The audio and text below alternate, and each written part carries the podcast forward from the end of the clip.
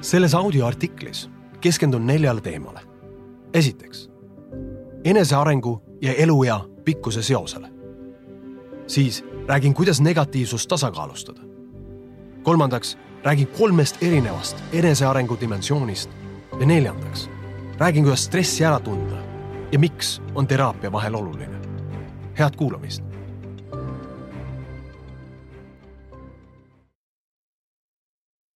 kui inimesed soovivad vähendada stressi mõju oma produktiivsusele, otsib enamik võimalusi protsesside optimeerimiseks ning vähetähtsate ülesannete delegeerimiseks. positiivse psühholoogia vaatenurgast tagab aga produktiivsuse ja enesearengu hoopis inimese oskus mõelda keset negatiivset positiivselt.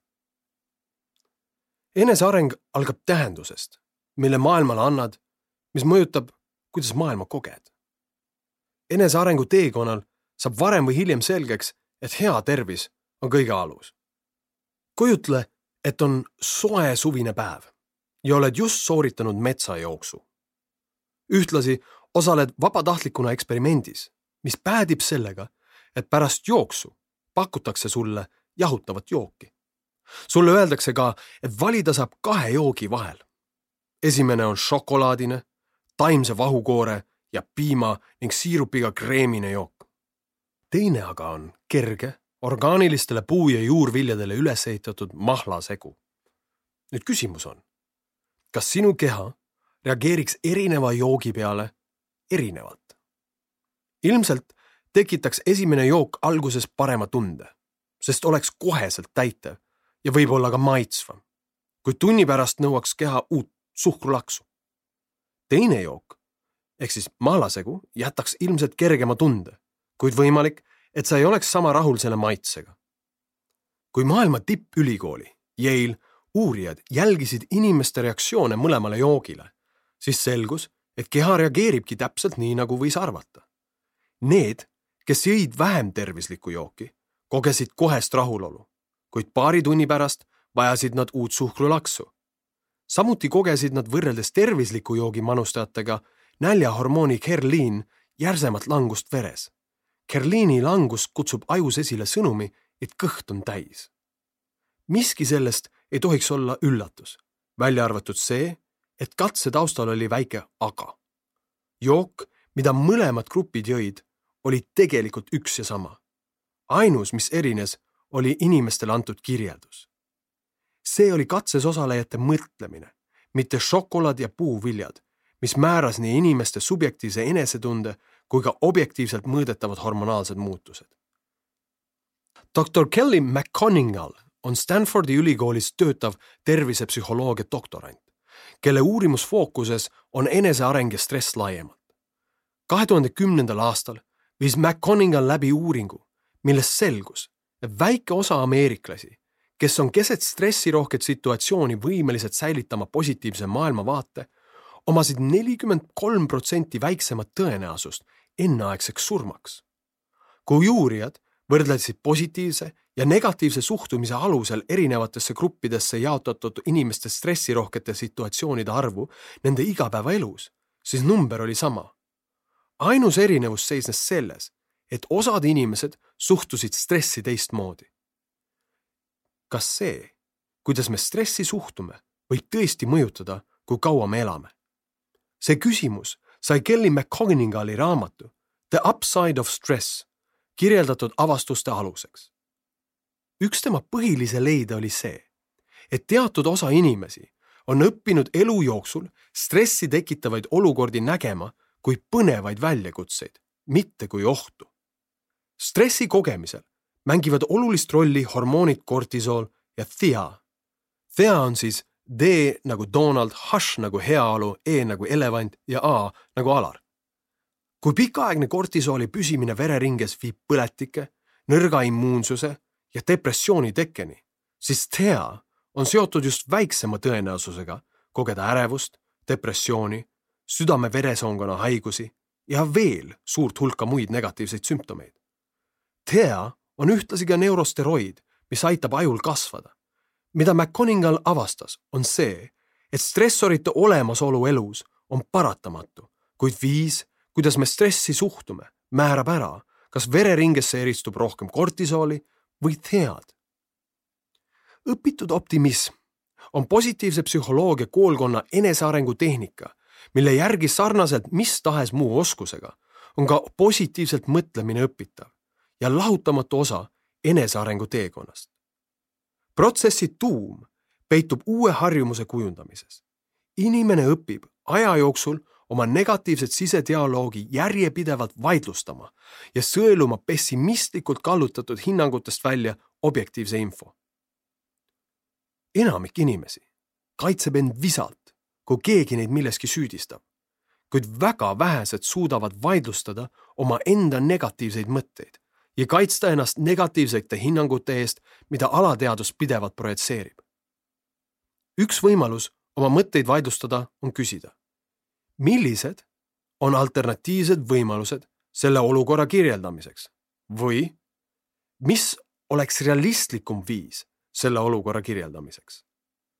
oma mõtete vaidlustamine võib olla esialgu väga raske ning palju abi on sõbrast, kolleegist või kallimast, kes saab aidata olukordi kirjeldada objektiivsemalt, kui inimene negatiivsusesse uppununa on kriitilisel hetkel ise seda võimeline tegema näiteks minu õemees Sten Karik, kes on rõivabrändi Guild üks loojatest, mille muide Prantsuse ajakiri Elle valis maailma viie põnevaima brändi hulka, kellel silm peal hoida.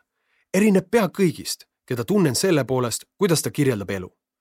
ükskõik, millisest tulevikupunktist jutt ka ei käiks, olgu selleks siis kaks nädalat, kaks kuud, kaks või kakskümmend aastat, siis ikka ta vaimustub ja kirjeldab õhinal, kuidas üks asi viib teiseni ja mida head sellest siis omakorda sünnib. Sten on üks minu suurimaid positiivse mõtlemise õpetajaid, sest kui minu mõistus tahab küsida, aga kuidas sa tead, et nii hästi läheb, vastab Sten alati. aga miks peaks minema halvasti? muidugi võib minna teisiti, kui planeerisid, kuid teisiti ei tähenda tingimata, et halvasti. Kõik on alati millekski hea. seetõttu olen aru saanud, et alustuseks ei ole vaja isegi veendumust, et kõik saab olema hästi. piisab veendumusest, et kõik ei saa olema ilmtingimata halvasti.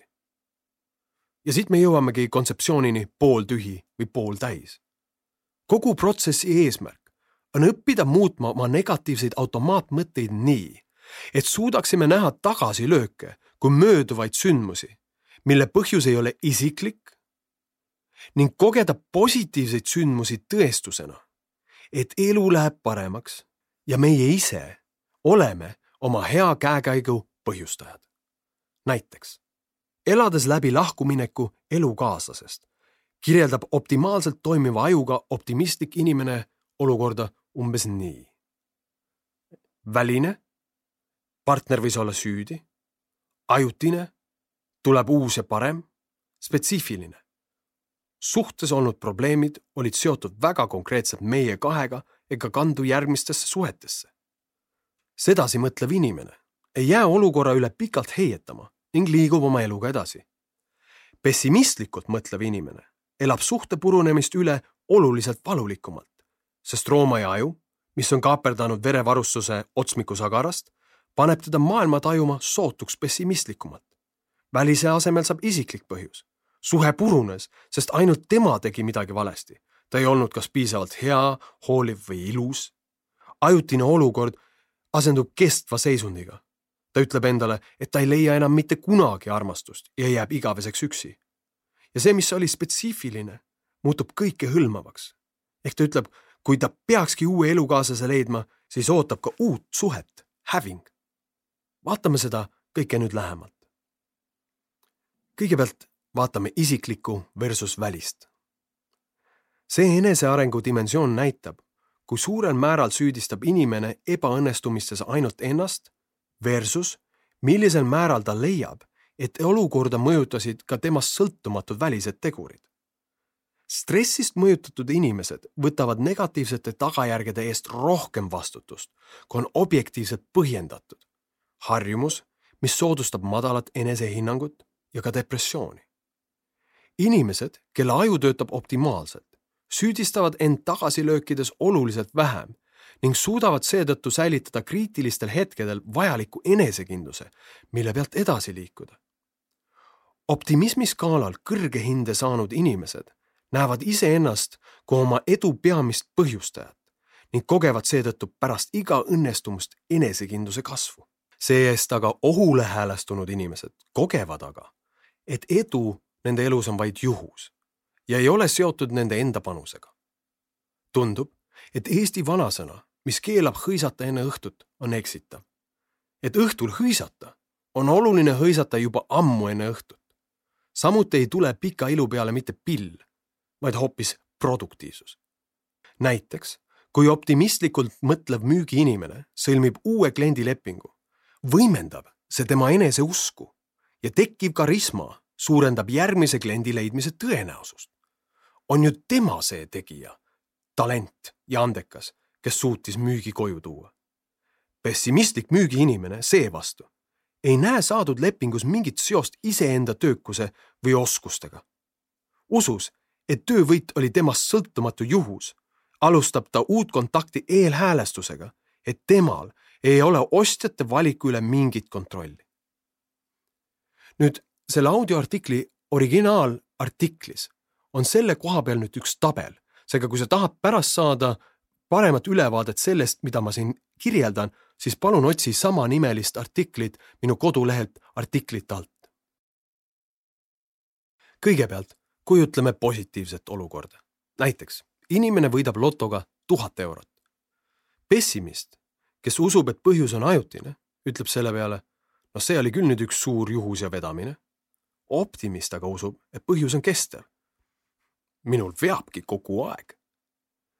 teine positiivne olukord. oletame, et alluv saab ülemuselt kiita. pessimist, kes usub, et põhjus on ajutine, mõtleb. ma pingutasin selle konkreetse projekti kallal kõvasti. optimist aga usub, et põhjus on kestev. kui ma midagi juba teen, siis teen seda alati väga hästi.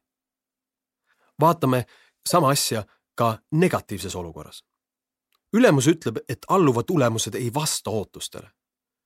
nüüd aga usub pessimist, et põhjus on kestev ja kirjeldab seda endale nii. ülemus vihkab mind ja minu reputatsioon on nüüd igaveseks rikutud. optimist aga usub, et põhjus on ajutine. ülemusel on täna halb tuju. või teine olukord. kuigi püüad kaalust alla võtta, sööd restoranis rohkem kui tohiks.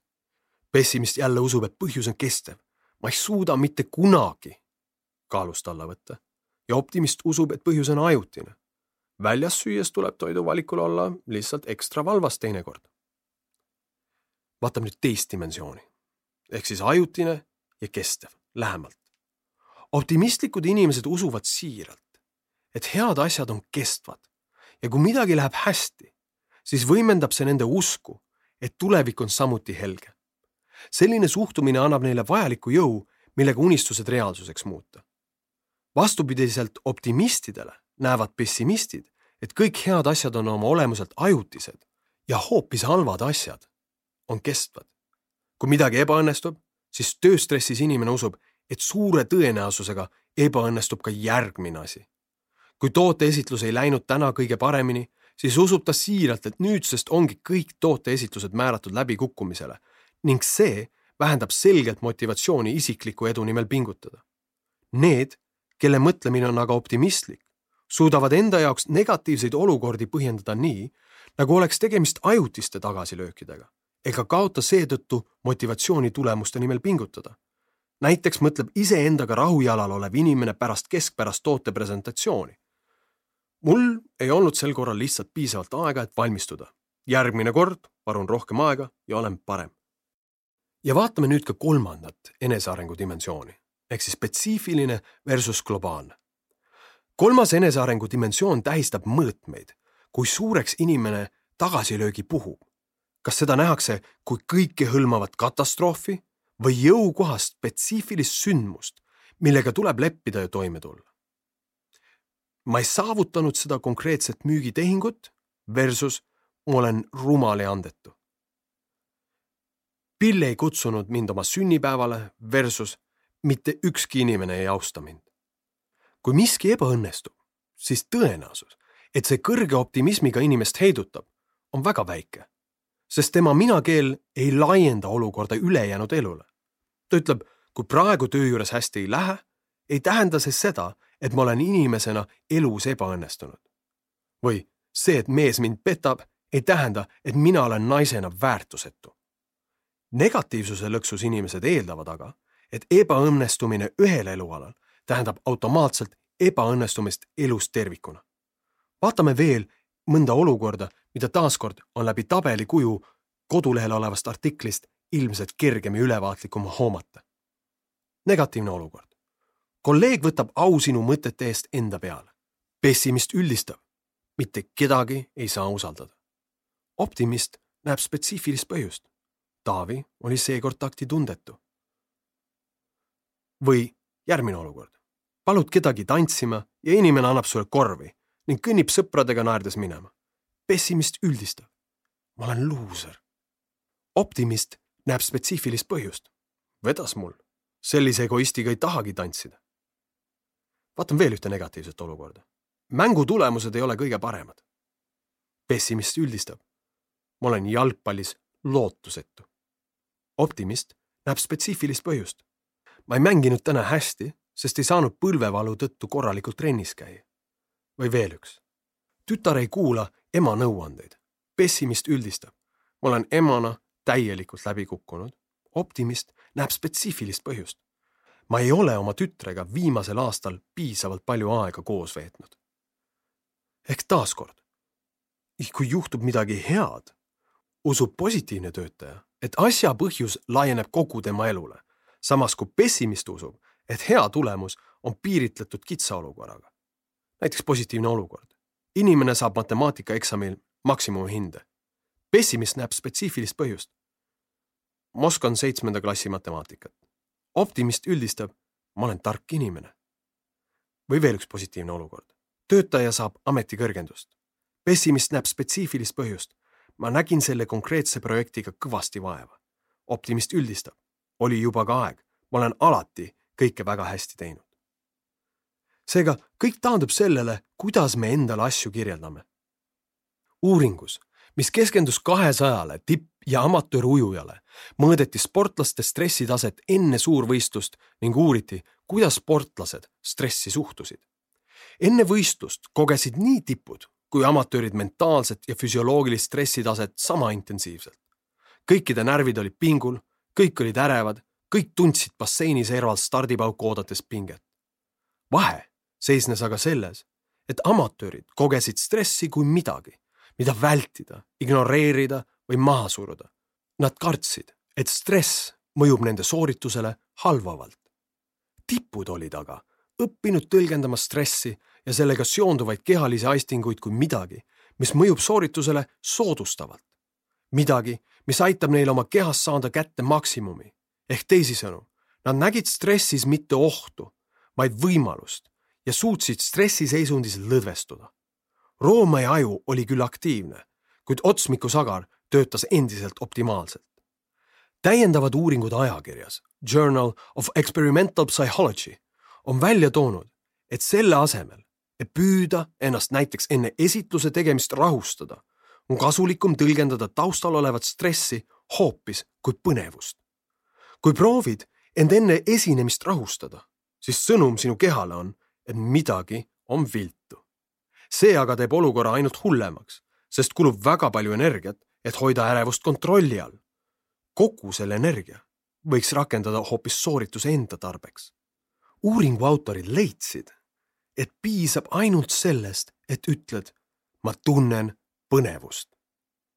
juba see muudab sinu suhtumise ohule keskendumiselt võimaluste nägemisele ja läbi selle muudab su biokeemiat. minu isiklik eneseareng hakkas steroididel tööle. masu alguses saadud telefonikõnega maaklerilt, kes teatas, et pean oma ligi miljoni kroonise investeeringu Bulgaaria kinnisvaraturule korstnasse kirjutama, sest arendaja kuulutas välja pankroti.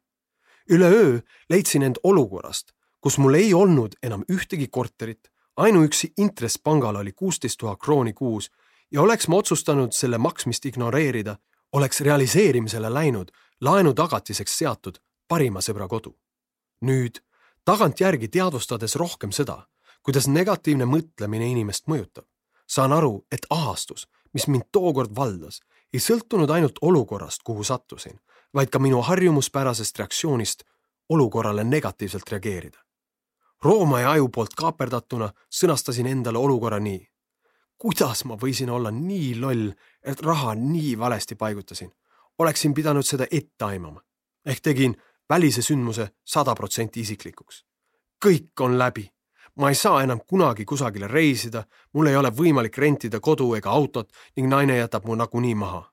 ehk spetsiifilisest sündmusest sai globaalne asi ma olen sunnitud elu lõpuni töötama ainult selleks, et maksta pangalaenu. mu elu on määratud olema igavesti vaesuses ja viletsuses. ehk ajutisest olukorrast sai minu enda kirjelduse järgi kestev reaalsus. ma kaotasin enesekindluse, tekkis tunnelnägemine, kus ei paistnud ühtegi lahendust ning kaotasin kolmeks kuuks igasuguse motivatsiooni ja isu trenni teha. võtsin juurde seitse kilo ning istusin kodus depressioonis, nägemata ainsatki võimalust olukorra muutmiseks olukord hakkas muutuma alles siis, kui osalesin ühel positiivset mõtlemist õpetaval seminaril, kus õppisin ülalkirjeldatud mõtteviisi oma elu motivaatorina pisut teadlikumalt suunama. ehk mis ma tegin? Ma muutsin isikliku väliseks, teadvustasin, et tekkinud olukord ei olnud ainult minu süü. kümned tuhanded inimesed, sealhulgas maakler, kes investeerimisvõimalust soovitas, kaotasid raha põhjus oli ajastuses. veel pool aastat varem oli sama objekt tootnud investoritele kaheksakümmend kuni sada protsenti tulu. kui isegi paljud valdkonna eksperdid ei osanud halba olukorda ennustada, kuidas oleksin seda pidanud tegema mina? Ma muutsin globaalse spetsiifiliseks. raha vähesus ei tähendanud, et elu pidi seisma jääma. väljas söömise asemel sai süüa kodus. riided sai osta second-hand kauplustest. filme sai vaadata arvutist reise sai teha Viru rappa. väljapoole suunatud elu asemel sai vaadata sissepoole. autoga sõitmise asemel sai nautida jalutamist. trenni sai edasi teha. suhet perega sai arendada. kestvast sai ajutine. Tollane Delfi tegevjuht Allan Sombri ütles mulle kord, Alar, olukord on ajutine ja isegi kui sa praegu lahendust ei näe, siis ühel hetkel on sul endal ka naljakas, kui kergesti see kõik tegelikult läks. mõne kuu pärast olin alustanud uue ettevõttega, mis võimaldas elu, kus minu baasvajadused olid kaetud. autot lubada ei saanud ja väljas söömist samuti, kuid söök oli laual, riided seljas, mõistus ja töövahendid äri arenguks olemas ja lähisuhe piisavalt tugev, et armastatu Viru rappa kaasa kutsuda. ehk lõpuks on kõik kinni mõtlemises. kui koged hetkel elus stressi või oled silmitsi mõne muu raskusega, võlad, lahutus, tervis, on kriitiline hoida fookus sellel, mis kõige olulisem. mõtle sellele, mida sa tahaksid oma ajaga igal võimalusel teha, selle asemel, et mõelda kõigest, mida sa teha ei saa, kuidas su unistused ei täitu või kuidas kogu elu on üks kannatus ja läbikukkumine. otsusta, et ükskõik kui sügav see kriis hetkel ei ole, kui väljakannatamatu olukord ka ei tundu, kui sul on käed ja jalad küljes, on põhjust säilitada lootus ja tegutseda üks päev korraga just sellega, millega sa parasjagu tegutseda saad tervis, pere, rõõm, karjääriedu, küllus, staatus. isegi kui miski sellest on su elus hetkel puudu, siis kõike on võimalik taastada ja uuesti luua. Praktilisi kognitiivkäitumislikke tööriistu, mis on isiklikult mind rasketel hetkedel palju toetanud, jagan ka oma koolitustel.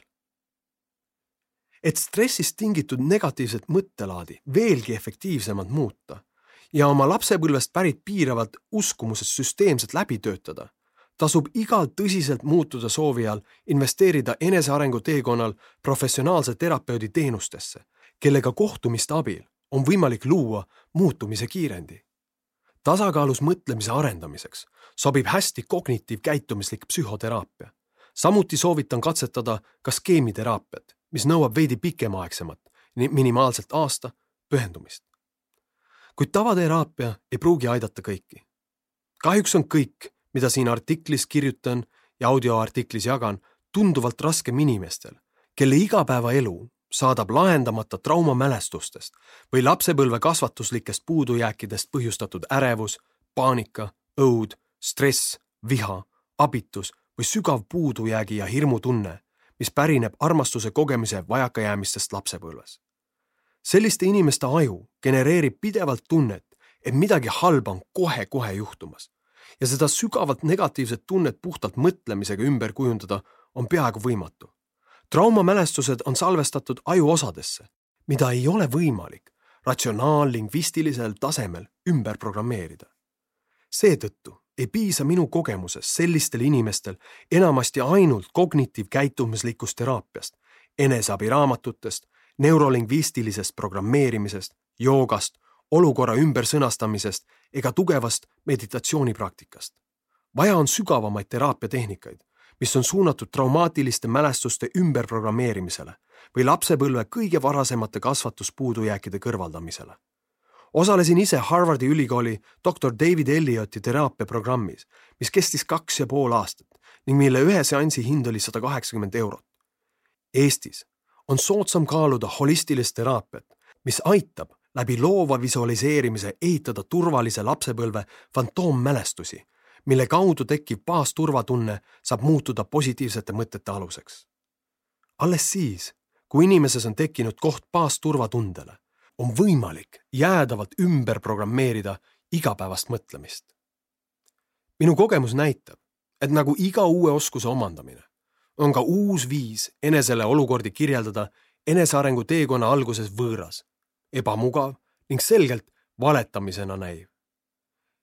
Minul isiklikult ei ole olnud lihtne harjutada positiivsete sündmuste võimendamist. minu tüüpmuster on olnud kirjeldada kõike head juhusena elades pidevas kahtluses, et hea on ajutine ja et sellele, kes enne õhtut hõiskab, saabub karistus.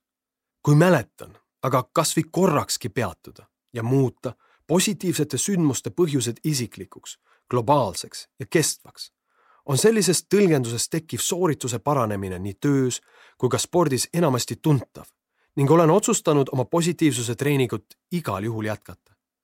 iseenda puhul olen avastanud ka, et eriti keeruline on olnud muuta põhjendusi negatiivsetele sündmustele, sest üldistav, isiklikustav ja katastrofeeriv mõtlemine on niivõrd automaatne, et ma tihti isegi ei märka, kuidas see tekib. just sel põhjusel olen tegelenud alates kahe tuhande viieteistkümnenda aasta kevadest igapäevase teadveloleku meditatsioonipraktikaga. sajad uuringud näitavad, et järjepidev teadveloleku meditatsioon suurendab hallmassi tihedust otsmiku sagaras muutes sind kognitiivselt võimekamaks, et juurutada siin audioartiklis välja toodud mõtlemist ja vähendab hallmassi hulka mandelkehas, mis on vastutav negatiivse emotsionaalse reaktiivsuse eest, mis suunab stressiolukorras meie sõnu ja mõtteid. Mindfulness praktikal on olnud ka üks teine monumentaalse tähtsusega eelis. suur osa lääne ühiskonna inimesi on kasvanud keskkonnas, kus ratsionaalsust nähakse kui ainukest õiget olemise viisi ja kus emotsioonid on samastatud nõrkusega. paljusid lapsi mõistetakse juba üsna varakult liigse emotsionaalsuse ja tundlikkuse pärast hukka. selle tulemina meenutab märkimisväärne hulk eestlasi Star trackis tuntud Mr Spocki, kes oli oma emotsioonide kogemises tugevalt pärsitud. selleks, et saaksime stressist väljuda, peame aga kõigepealt olema üldse võimelised tundma, et me kogeme stressi. ehk teisisõnu öeldes me peame mõistma, et ainult tundeid tundes on meil võimalik tunda ära, et oleme stressis ja otsida abi. samuti püüan aru anda, et minu vägivallarohke lapsepõlve taust on mõjutanud füsioloogilisel tasandil viisi, kuidas minu aju toimib. sünapsiliste ühenduste hulk ohule keskendunud ajuosades on lihtsalt oluliselt suurem kui pisut leebema lapsepõlve taustaga inimestel. Nendel hetkedel on olnud oluline anda endale aru. ja ka see ei õnnestu mul veel alati, et tegemist on oskusega ja et nagu iga teinegi oskus, kasvab ka positiivne mõtlemine läbi praktika ning tagasilöögid on lahutamatu osa enesearengu teekonnast, mida tuleb aktsepteerida. ma loodan siiralt, et selle audioartikli kuulamine oli sinu jaoks väärtuslik aeg ja kui see nii oli, siis kutsun sind ka kuulama minu täispikka audioraamatut Ratsionaalne emotsionaalsus, tugevad tulemused pehmetest tegudest, mille info ja lingi leiad minu kodulehelt alarojastu.com.